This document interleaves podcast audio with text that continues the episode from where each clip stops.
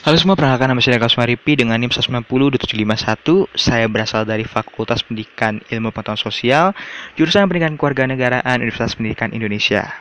Pada kesempatan kali ini, saya akan memberikan opini saya atau pendapat saya mengenai materi dari kelompok 1 dan kelompok 7.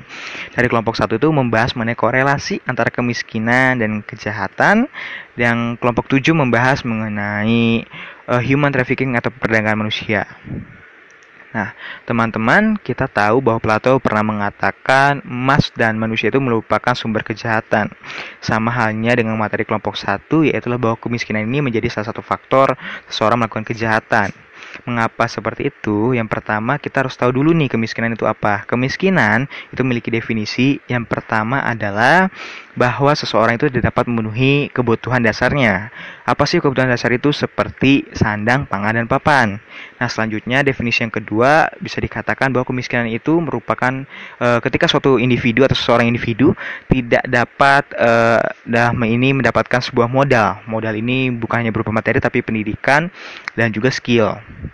Nah, itulah menjadi faktor internal mengapa orang bisa uh, miski, uh, mengalami kemiskinan. Yang pertama adalah kurangnya akses pendidikan dan tidak memiliki skill.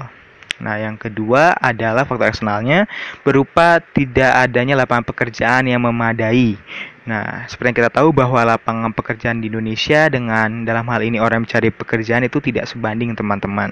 Nah, makanya dari itu sulit sekali beberapa orang mendapatkan pekerjaan.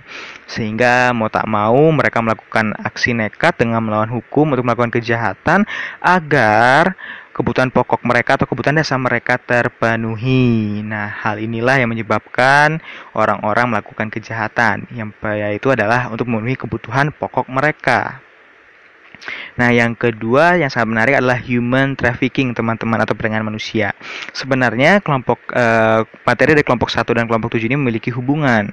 Nah, mengapa bisa begitu? Karena salah satu modus Eh, yang dilakukan oleh pelaku human trafficking ini adalah dengan menawarkan pekerjaan terhadap korbannya. Dengan iming-iming pekerjaan yang uh, bagus di kota dan mendapatkan gaji besar. Sehingga korban pun tergiur untuk uh, ikut ajakan dari pelaku ini. Padahal itu merupakan suatu modus untuk uh, uh, mendapatkan korban dari human trafficking ini teman-teman. Nah, kemudian apa sih uh, solusinya dari uh, dalam hal ini mat, kemiskinan dan juga human trafficking ini teman-teman. Nah, yang pertama tentu saja pemerintah uh, sedang melakukan uh, pembukaan beberapa lowongan pekerjaan. Nah, lowongan pekerjaan ini bisa didapatkan dari investasi-investasi luar negeri yang datang ke Indonesia yang menciptakan lapangan pekerjaan baru.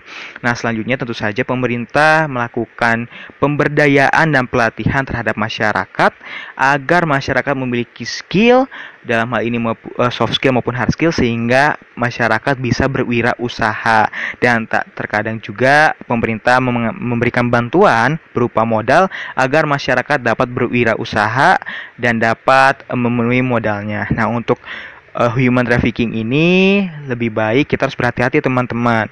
Kalau mau uh, kita harus melamar atau melamar pekerjaan terhadap agen-agen penyalur pekerjaan yang memang memiliki uh, bukti bahwa mereka kredibel dalam hal ini dan juga memiliki surat-surat yang jelas jangan sampai kita menjadi human trafficking sehingga sangat berbahaya teman-teman gitu nah segitu saja pendapat dari saya mohon maaf jika ada kurang dalam penyampaian ataupun kata-kata yang menyinggung hati teman-teman.